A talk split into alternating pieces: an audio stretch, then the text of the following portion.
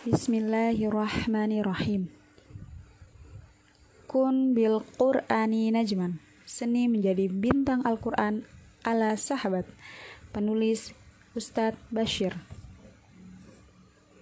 Kebaikan para penghatam Al-Quran itu baru akan paripurna jika mereka menyambung bacaan khatmil mereka dengan surat Al-Fatihah dan lima ayat pertama dari surat Al-Baqarah.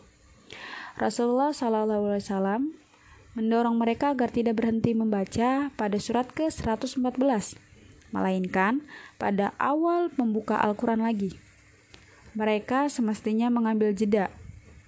Ini pula yang diajarkan dan dilestarikan pada majelis-majelis khatam Al-Quran bersama para guru-guru serta masyayikh kami agar tidak berhenti di penutup, melainkan di pembuka.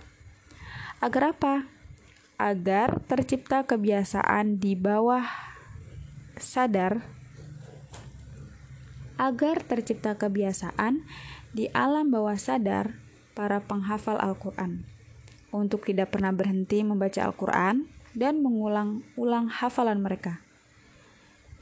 Selagi nafas masih berhembus, selama hayat masih dikandung badan, agar terbentuk batas keberkahan yang sesungguhnya tidaklah ada.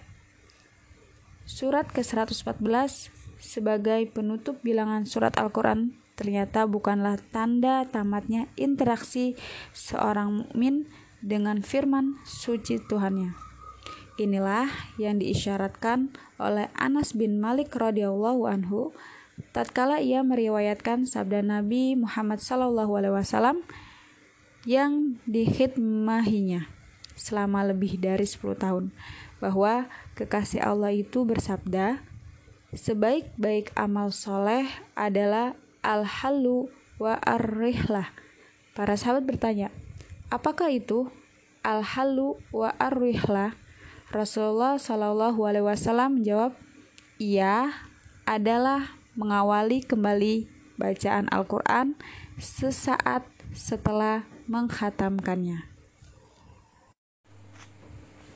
Buku KB KIN ayat 138 sampai 139. Semoga bermanfaat.